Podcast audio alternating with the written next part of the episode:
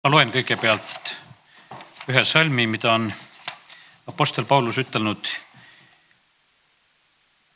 ja see on Apostlite tegude kahekümnes peatükk ja kakskümmend neli salm. kuid ma ei pea oma elu mingil kombel endale kalliks, vaid püüan lõpule viia oma elutöö ja ülesande, mille olen saanud issanda Jeesuse käest. tunnistada Jumala armu evangeeliumi. siin maailmas on kehtimas, võiks ütelda, üks õige tahe ja see on Jumala tahe. ja meie isapalves me palume samamoodi seda, et Jumala tahe võiks sündida nii nagu taevas, nõnda ka maa peal. meie peame oma tahted allutama talle, me peame otsima, mis on see Jumala täieline ja meelepärane tahe. Apostel Paulus, ta kui ta mõtleb oma elule ja elutööle ja ülesannetele, siis ta tahab neid asju lõpule viia, mida ta on saanud issanda käest. ja tänane selline sõnum, mille juures ma nagu olengi, on see, et, et kust me need ülesanded saame. ja, ja mis on meie elu ülesanne ja kas me saame selle lõpule viidud. ja meie elu ei ole mitte kellegi meie käes, ma mõtlesin täna siin ülistuse ajal, et, et see oli aasta kaks tuhat kaksteist jõuluajal ja sellel jõulukoosolekul mul oli selline tunne, et mu elutöö ongi tehtud. sellepärast ma aeg-ajalt ikkagi mõtlen sedasi, et see, mis praegu toimub, see on nagu juba ülemäära, sest ma olin ükskord juba valmis lõpetama. et see on kõik, mõtlesin, et ilus jõuluõhtu ja, ja sellega olen lõpetanud ja mõtlesin, et kiitus Jumalale veel kõige selle juures, et rahu oli ka veel südames. et ei olnud nagu sellist, et tahaks veel nagu midagi tegema minna, vaid mõtlesin, et olgu, et kui see on kõik, siis on see kõik. ja, aga kallid jumal on andnud päevi meile igale ühele, kes me siin täna oleme. ja sellepärast on nii, et ma usun seda, et kõik see aeg, mis on meie käes, jumal tahab ikkagi, et me täidaksime ja teeksime neid ülesandeid, mida tema tahab, et me teeksime. ma ei jää praegu rohkem Apostel Pauluse elutöö juurde. Apostel Paulus oli nii suur mees, et tal oli abilisi vaja ja tema elutööd ja ülesannet aitasid täita abilised ja üks nendest oli Tiitus ma teen lahti nüüd Tiituse kirja ja Tiituse kirja esimese peatüki viienda salmi loen. ma jätsin su Kretale maha selleks, et sa seaksid korda, mis jäi korraldamata ning seaksid vanemaid igasse linna, nagu ma tegin sulle ülesandeks. siin on Pauluse poolne selline ülesande jagamine Tiitusele ja väga otseselt ja julgelt. meie vahest oleme sellised, et me oleme nii, nii vaimust juhitud, et me tahaksime alati küsida, et, et aga kuule, et ma pean ikkagi läbi katsuma. me seda siit sellisest Tiituse suhtumisest absoluutselt ei näe. ta oli Pauluse abiline ja Paulus jätab teda sinna Kretale ja ütleb, et ma jätsin su konkreetse ülesandega maha, et sa seaksid kogudusse vanemaid igasse linna sinna, nii nagu ma selle sulle ülesandeks tegin.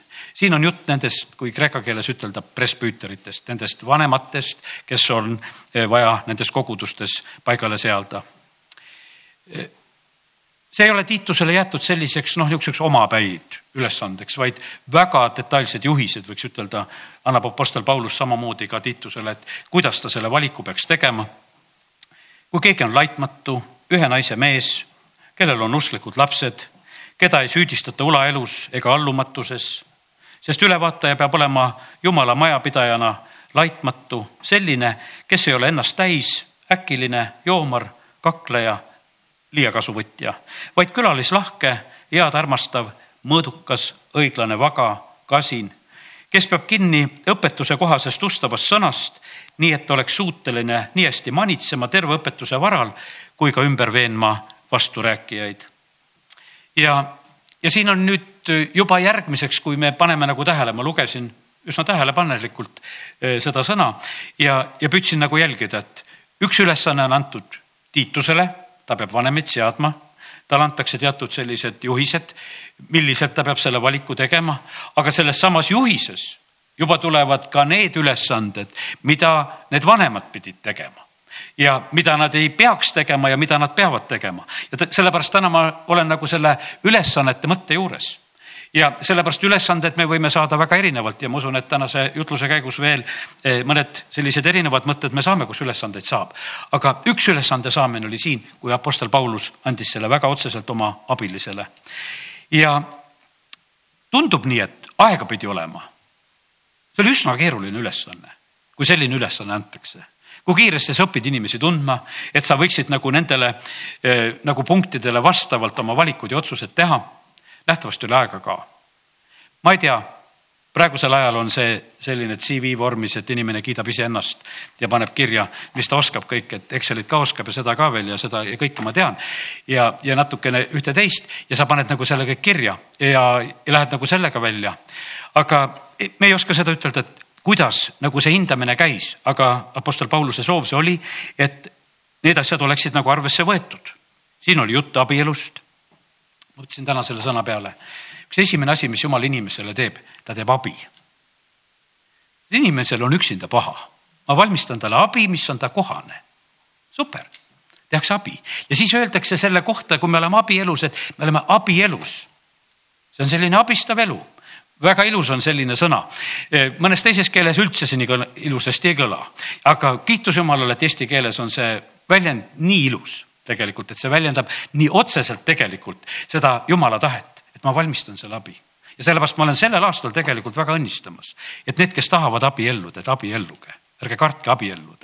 Sellepärast, et ma olen selle oma südames tegelikult nagu saanud ja ma olen väga õnnistamas ja palvetamas sellepärast, et need inimesed, kes peavad ja tahavad seda sammu teha, ma tean, et on neid inimesi, kes tegelikult selle sammu juures on nii otsimas ja soovimas.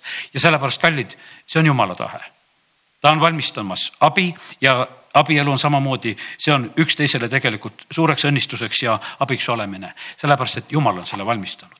seal tuleb paluda otsida jumala tahet, see ei pea olema mitte omas meeles, vaid ma usun sedasi, et kui, kui jumal on selle asja valmistanud, siis jumal juhib ja korraldab neid asju, aga selleks on vaja ikkagi, on julgust vaja teha sammusid ja otsuseid ja, ja võtke vastu eh, see sõna ka, mis on praegusel hetkel siin öeldud. ja kiitus Jumalale aga edasi nendest abilistest on räägitud sedasi, et nende lapsed peavad olema juba usus. kui sa niimoodi mõtled, no ei saagi väga, väga noor olla.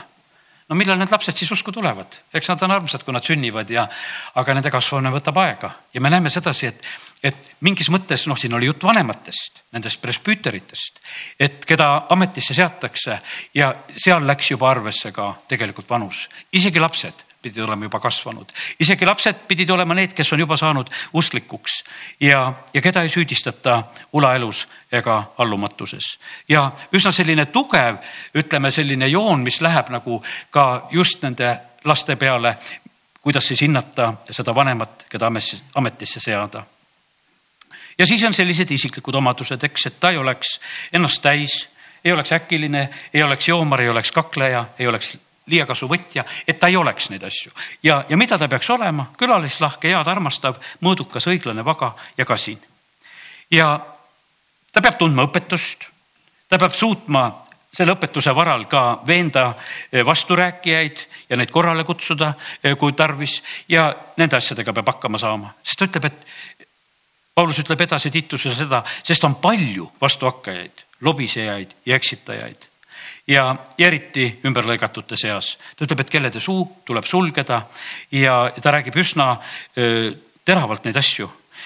see tunnistus on tõsi, kolmteist salm ütleb, sel põhjusel noomi neid karmilt, et nad oleksid usult tervelt, et nad ei hooliks seal juudi müütidest ega tõele selja pööranud inimeste käskudest ja puhtale on kõik puhas, aga rüvedale ja uskmatule pole miski puhas, vaid rüve on nende meel kui südametunnistus Nad väidavad end Jumalat tundvat, aga oma tegudega salgavad, sest nad on jäledad ja sõnakuulmatud ega ole ühelegi heale teole eh, kõlblikud. kui ma seda salmi lõppu loen, vaata, see on nagu meil võib-olla on see vahest, et noh, et me ütleme, tead, et kuule, nagu sellise lõpliku vormi, et kuule, mitte midagi. et noh, et pole mitte midagi, aga Paulus ütlebki siin selliselt, et kuule, et need ei olegi mitte ühelegi heale teole kõlblikud et neid ei tule isegi osaliselt tarvitada, vaid et nad ei kõlba, kui nad on sellises olukorras. sellise väga raske ja keerulise, tegelikult võiks ütelda, ülesande annab Apostel Paulus eh, Tiitusele ja usaldab selle tema kätte. ja nüüd mõnda momenti, kus on nagu sellisest ülesandest, ma ju, veel juhin tähelepanu, ma pikalt ei jää seda Tiituse kirja siin praegu vaatama, aga teise peatüki neljateistkümnes salm. tema on loovutanud iseenda meie eest, et meid lunastada kõigest ülekohtust ja puhastada endale päris rahvaks, innukaks headele tegudele. ja see on jälle nagu see, see on nüüd nagu jumala rahvale suunatud asi, meie innukus ja see olgu headele tegudele. seda manitse, räägi ning veena nõudlikult. see oli nüüd Tiitusele üteldud, et ta seda teemat tegelikult ei jätaks kuidagi kahe vahele, vaid et ta seda ütleks väga tugevalt välja, väga selgelt välja. ja lõpusalmidest veel kolm kaksteist on öeldud sedasi just ka Tiituse kohta, siis tõtta minu juurde ja Nikopolisse, sest ma olen otsustanud selle talve seal veeta. ta kutsub lihtsalt oma abilist. Titus oli kreeklane, kui lihtsalt Galatia kirjast see tuleb mõte välja, ma võtsin lihtsalt neid teisi kirjakohtasid ka, kus on Tiitusest räägitud, et pisut aru saada.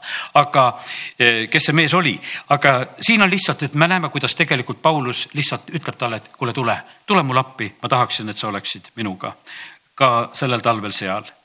ja, ja siis ta annab ühe käsu veel, kolmteist salm, seadusetundja Seenas ja Apollos läkita teele hoolsalt varustatuna, et neil poleks midagi puuduks, et nendel midagi ei puuduks. lihtsalt veel üks selline ülesanne, ma räägin täna, saa sellest aru, ma tahaksin, et sul hakkaks ka vaimus nagu liikuma seda, et, et nagu see teema, et, et sa mõistaksid ja tunneksid ära eh, selliseid ülesandeid, mis võib olla.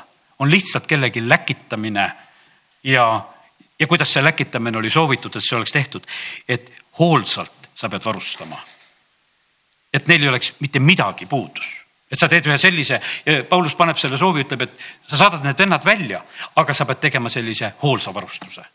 ja see on sinu ülesandeks, et sa selle korraldad. jätab Korintuses tegelikult Tiitusele eh, samasuguse ülesande, ta veel ütleb, et, et sa pead korjanduse kokku võtma, mis seal on alustatud, vii see lõpule vii see täiuslikult lõpule, et see oleks niimoodi tehtud, et see oleks hästi tehtud ja sellepärast, kallid, need ei olnud sugugi võib-olla mitte niisugused lihtsad ülesanded, mida Apostel Paulus eh, ka Tiitusele usaldas, aga ta usaldas seda meest ja ta jagas talle selliseid vastavaid ülesandeid. võtame mõned eh, teised sellised ülesannete näited, mida me võime jumala sõnast leida. Mattiuse evangeeliumi kahekümne kuues peatükk ja seitsmeteistkümnes salm. ja hapnemata leibade püha esimesel päeval astusid Jeesuse jüngrid ta juurde ja küsisid, kuhu sa tahad, et me sulle paasasöömi, söömise valmistaksime? tema ütles, minge linna selle ja selle juurde ja öelge talle, õpetaja ütleb, minu aeg on lähedal. ma tahan sinu juures pidada paasasööma aega oma jüngritega ma rohkem ei võta sealt Mattiuse evangeeliumist, vaid ma teen nüüd Luuka kahekümne teise peatüki lahti ja seesama sündmus. sest et Luuka evangeelium ütleb nimepidi, eh, keda Jeesus on läkitamas, Luuka kakskümmend kaks ja kaheksas salm. ja Jeesus läkitas Peetruse ja Johannese ning ütles, minge ja valmistage meile paasa, et me seda sööksime. ma räägin täna ülesannetest lihtsalt Jeesus valib kaks oma jüngritest. ja ta valmi, valib selle, võiks ütelda, tipu. ta valib Peetruse sellel hetkel. ütleb, et Peetrus, sina lähed seda paasasööma ja lauda tegelikult meile valmistama. sinu, sinu ülesandeks, Johannes kaasa ja te lähete ja valmistate selle meile, et me saaksime seda paasat seal süüa. Nemad küsisid temalt, kuhu sa tahad et me selle valmistaksime. pane tähele seda, et, et siin on selline nii ilus selline nagu kaasas olemine, et nad küsivad Jeesuse käest samamoodi, et aga kuidas? mis on selle juures veel oluline? no siin on väga konkreetsed juhised, kuidas see kohtki tuleb üles leida. ja kallid, ma mõtlen täna hoopis teistmoodi sellele asjale. see oli eriline paasasöömaaeg. see oli selline paasasöömaaeg, kus Jeesus seab oma surmamälestuse. see on see, mida meie teeme, kuni issand tuleb me teeme seda kord kuus siin, katame selle laua, aga Peetrusel ja Johannesel oli au täita see esimene ülesanne. kallid, meil on ülesannetega vahest selline lugu. me ei tea, kui suurt ülesannet me täidame. me ei tea, kui ajalukku me läheme. no Peetrus ei osanud ka kindlasti unistadagi, et, et ta on evangeeliumites kirjas et kirjutatakse seda, et tema oli see lauakatja sellel korral ja selle, selle valmistaja. Ta ei osanud seda kindlasti unistada ja mõeldagi, ta mõtles lihtsalt, et kuule, selline asi ja noh, aga täna ma räägin ülesannetest ja siis mõtle selle peale, et isegi kui sa saad väikese ülesande, täida see väga ideaalselt, sest selle taga võib olla väga suur jumala plaan. Jeesus ei rääkinud sedasi, et kuule, et täna meil tähtsam õhtu, et eh, ma tulen ühe uue ilmutuse ja ühe uue plaaniga seal välja, vaid ei, see oli tavaline paasasööma aeg. See oli tavaline, mis oli aastast aastasse olnud, aga see oli eriline sellepärast, et sellel õhtul tuligi üks uus täiesti ilmutus. Jeesus kehtestab seal ühe täiesti uue olukorra, ta ütleb, et sööge minu ihu, jooge minu verd ja sellepärast, kallid, kui ma räägin täna ülesannetest, siis ma ütlen sedasi, et meie ees võivad olla ülesanded vahest sellised, mis on pisikesed, aga mis võivad osutuda väga suurteks hiljem, kui me neid märkame. ja siis on parem juba, kui me neid väikeseid ülesandeid, mis on meie käes, täidame väga väärikalt, et kui siis see olukord tuleb, et me ei oleks mitte häbisse jäänud, vaid me võiksime rõõmu tunda, et me oleme hästi teinud ja saame kord issanda käest ka selle hinnangu, et just see nõnda on olnud. nii ta on. me korraldasime siin kaks tuhat üksteist oma koguduse sajandat aastapäeva. ja täna mulle tulid kõik need inimesed nagu meelde, ma püüdsin meelde tuletada kõiki neid ka, kes aitasid sellel hetkel kes väljendasid oma valmisolekut, kes tulid, ütlesid, et kuule, ma tulen ja aitangi sind ja võtan ülesande ja kes katsid lauda ja kes tõid pinke ja, ja, ja kes sättisid helitehnikat ja kes laulsid ja, ja, ja, ja tegelikkuses oli see nii, et, et mis see siis oli, see oli meie koguduse aastapäev natukese teistmoodi küll, et me panime söögilauad siia ja koosoleku läksime pidama parki ja meil oli siin nagu täitsa teistmoodi nagu see asi ka küll organiseeritud sellel hetkel. aga kallid, minu jaoks on see väga märgilise tähtsusega sellest hetkest tegelikult õnnistus. Tuli, sellest koosolekust, mis seal pargis tuli. ja sellepärast on see, see on selline nagu pöördeline hetk. ja siis ma mõtlesin, et kiitus Jumalale kõige selle eest, kiitus Jumalale Hosjana koguduse eest, kes andis oma kõlareid, kiitus Jumalale pinkide eest, mida kandlaias saime, kiitus Jumalale autojuhi eest, kes vedas pinkisid, kiitus Jumalale igaühe eest. Ja ma mõtlen nii nagu tagantjärge nende inimeste peale, kes tegelikult sellel hetkel midagi tegid kiitus Jumalale, et, et nad on olnud, Jumal on neid hoidnud, neid on õnnistanud ja sellepärast see on kõik vägev tegelikult, mida Jumal teeb. ja sellepärast on see nii, et see võib olla vahest selline, et, et sa ei saagi nagu aru. ma mõtlen tänu tundes vene Alberti peale, et ta tuli sellel eh, sajandal aastapäeval eh, sellele jumalateenistusele ja just ka sinna parki.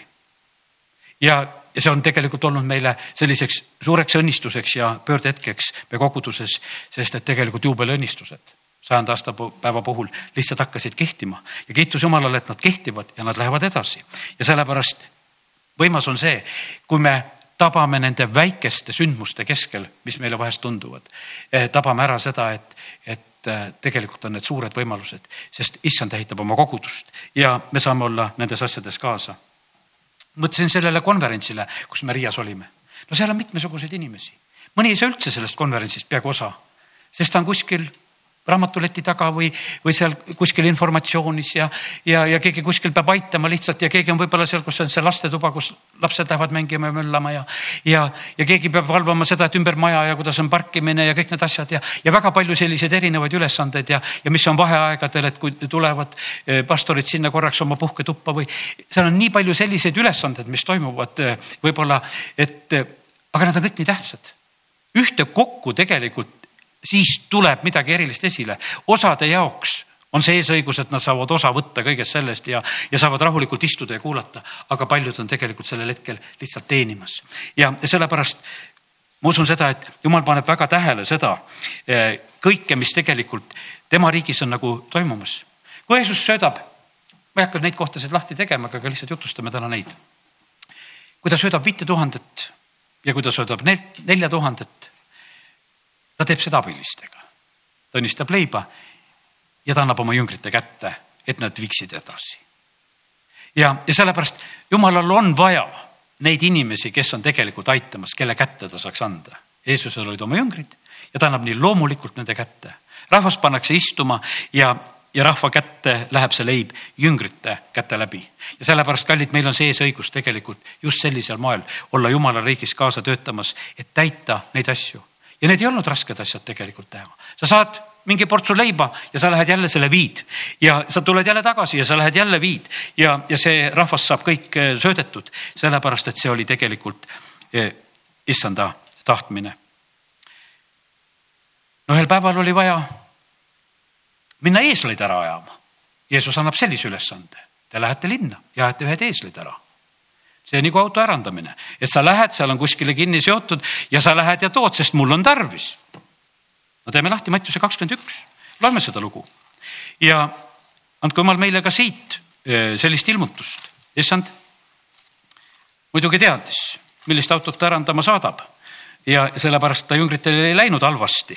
Ja ta andis sõnad ka kaasa, eh, mida tuleb ütelda, kui nad seda teevad, aga sellel esimesel hetkel see toimuski justkui nii, Mattiuse kakskümmend üks ja loeme seda ja kui nad jõudsid Jeruusalemma lähedale ja tulid Betfage poole Õlimäele, siis läkitas Jeesus kaks jüngrit ja ütles neile, minge külla, mis on teie ees ja kohe te leiate kinni seotud emaeesli ja säluda juures. päästke need valla ja tooge mulle. ja kui keegi teile midagi ütleb, siis vastake, issand vajab neid, ta läkitab nad peatselt tagasi et tegelikult see jutt ei olnud selline, et eh, midagi rohkemat, et lihtsalt võtate ja kui keegi peaks küsima, siis no siis vabandage see asi välja aga mis ütleb järgmine salm? mida ütleb järgmine salm, kui keegi seob eesleid lahti? aga see on sündinud, et läheks täide, mida on prohveti kaudu räägitud. ja vaata, kas me sellel hetkel paneme nagu tähele sedasi, et öeldakse, et kuule, et mine, lase need eeslid lahti ja too. aga jumal ütleb sedasi, et tegelikult on, sa täidad praegu prohveti sõna. prohveti sõna läheb käi-, täide ja sellepärast ma täna tahaksin soovida seda, et näe pisikesi ülesandeid, mida sa teed. talutad looma, seod teda lahti.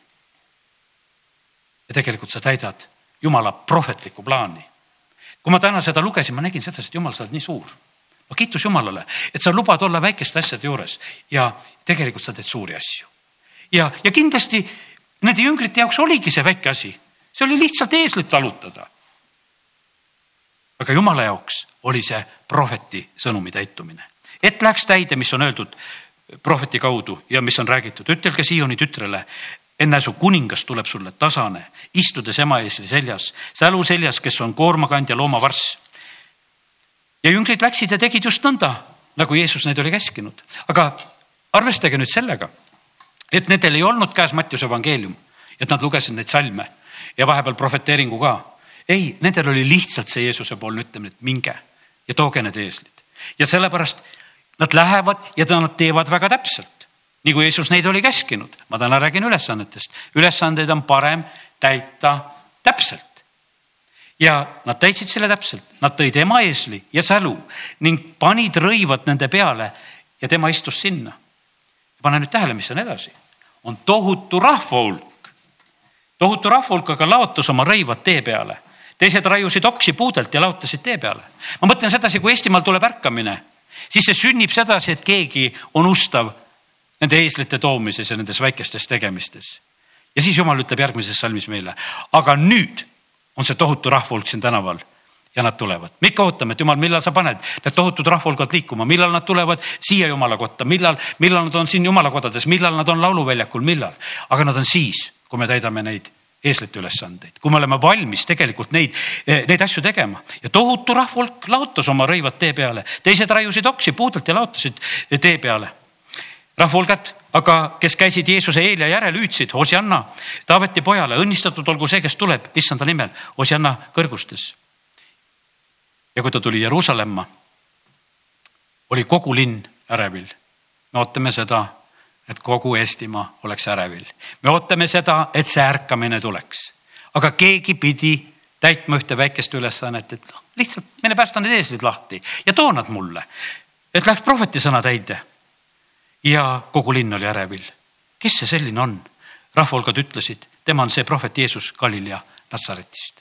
kallid, ma usun sedasi, et nii märkamatult tuleb Jeesus ka siia Eestimaale ja me täidame selliseid, meil ei ole selliseid, ei tea mingeid superülesandeid, aga me täidame neid väikseid ülesandeid ja issand tuleb ja ta tuleb oma suure au ja, ja sellise, ütleme arusaamisega sellele rahvale, et need inimesed hakkavad hüüdma Hosianna Taaveti pojale, kiitus Jumalale, nii et võta see ilmutus täna sellest ka. sada miljonit, Ben Fitzgerald ütles, et ta usus räägib välja sada, sada miljonit. usume selle Eesti miljoni sinna hulka. Meil ei ole palju sellest sajast vaja, meil on ainult ühte vaja. meil on seda ühte miljonit vaja, kui tema räägib sellest sajast miljonist, meil on ühte vaja siia Eestimaale, sest et meid siin nii, nii palju vast ongi, sest muist on vist jalga lasknud niikuinii ja võib-olla lihtsalt kirjas veel siin ja sellepärast, kallid, me võtame sellest asjast osa ja sellepärast usume üheskoos seda, et kui keegi tegelikult on tegemas, et, et kogu see Eestimaa võiks olla ärevil, ärkvel ja sellepärast kiitus Jumalale.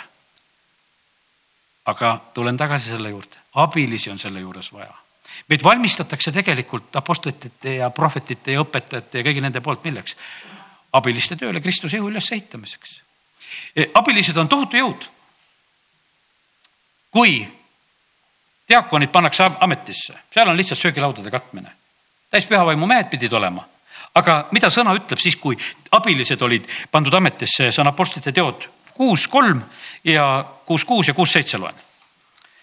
vennad, vaadake endi seast seitse meest, kellel on hea maine ja kes on täis vaimu ja tarkust, et me võiksime nemad seada sellesse ametisse. Need seadsid eh, siis nad apostlite ette, kui nad palvetasid ja panid oma käed nende peale. nii et need seitse diakoni seatakse ametisse. ja seitsmes salm ütleb ja jumala sõna levis ja jüngrite arv Jeruusalemmas kasvas väga suureks. ka suur hulk preestreid võttis usu omaks ja sellepärast on see nii, et ilma abilisteta ei tulnud seda suurt kasvu ja sellepärast on see nii, et abilised on tegelikult väga tähtsa koha peal ja sellepärast täna tahan rääkida seda abilise mõtet ja, ja seda nagu selliseks kõrgeks tõsta. jumal valmistas abi inimesele. kiitus Jumalale ja Jumala sulastel peavad olema abid ja siis selle kaudu tegelikult asjad liiguvad ja lähevad edasi. kui Mooses on mäe peal palvetamas, siis on Aaron ja Uur, mida nad on tegemas? Nad palvetavad seal või mis nemad palvetavad? Nad lähevad lihtsalt appi, nad tegelikult, eks Mooses palvetab, eks. otsivad, nemad otsivad kivi, kus saaks Mooses istuda, hoiavad käsi.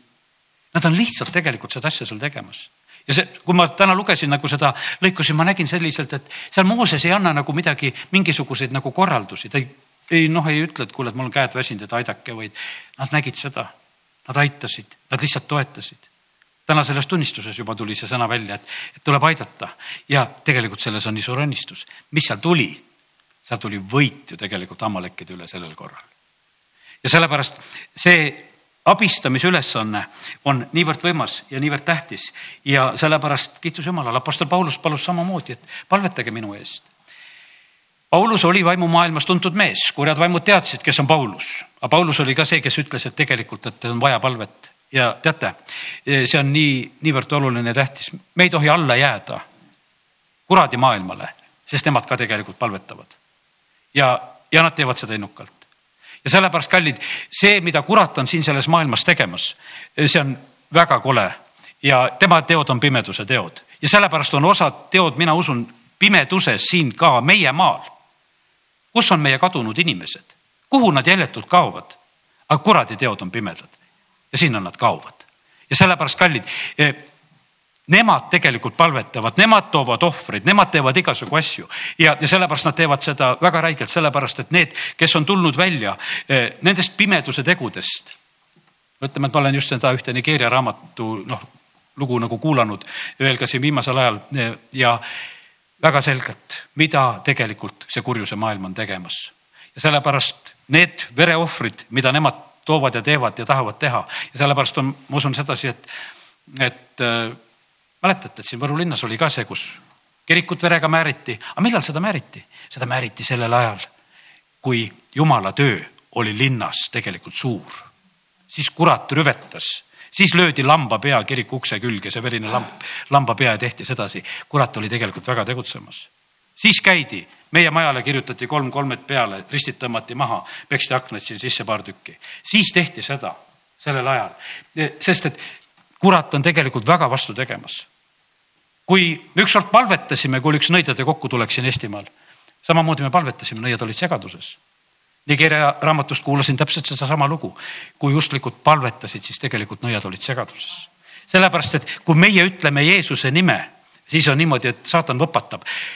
saatan ei taha isegi ütelda taevas, sest ta on sealt välja visatud. ta ütleb, et ma ei taha, et need usklikud sinna saaksid. Ma ei taha, et need uuesti sündinud sinna saaksid. ta ei saa seda sõnagi suust sellepärast et tegelikult tema jaoks on valmistatud põrgu temale ja tema inglitele. ja sellepärast, kallid, see, see, mis on nagu meie kätte usaldatud, see on tegelikult väga suur ja võimas. seda palveabi on vaja, seda on tõesti vaja ja vahest me noh, mõtleme selliselt, et noh, et me võtame nagu sellised, noh, et ma lihtsalt palvetan. aga kui sa lihtsalt palvetad, see ongi tegelikult väga suur abi kui sa lihtsalt palvetad pastori pärast, nii nagu täna ka üleskutset olnud, see on tohutult suur abi, suurem, kui sa oskaksid võib-olla arvata. sa oled lihtsalt selles reas, sest Apostel Paulus ütleb, kuule, palvetage minu käest, et kui ma oma suu avan, et ma julgelt võiksin rääkida. see, sellepärast, et ei, ei räägi karjased alati julgelt. me julgustame vahest üksteist. mäletan ükskord ühte-teist karjast külastades. ta teeb seal mingisugust kirjatükki ja mina olin elusõna piiblikooliga just värskelt tulnud ja olin tuld täis ja mõtlesin, kuule ära nii pehmelt kirjuta, pane juurde. tead, et tee, tee tugevamalt. tõmbas sõnad maha, tegi oma artikli tulisemaks, sellepärast et on seda lihtsalt seda julgustust vaja ja, ja me saame seda anda üksteisele, me saame palvetada, me saame julgustada ja, ja sellepärast on see julgustage iga päev. Hebra kiri õpetab seda meile, et eh, see asi peaks tegelikult olema. aga olgu, kuidas ülesandeid veel saame, kui ma natukese veel tulen ülesannete juurde. Philippusele annab kes või selle ülesande ingel, ütleb sõna Apostlite teod kaheksa, kakskümmend kuus. issanda ingel rääkis aga Philippusele, tõuse ja mine lõuna poole seda teed, mis läheb Jeruusalemmast alla Gaza poole, see on tühermaa. ja, ja ta läheb, ingel annab ülesande. E, Ananias, kes pidi Pauluse juurde minema, seal ei piisanud isegi inglist.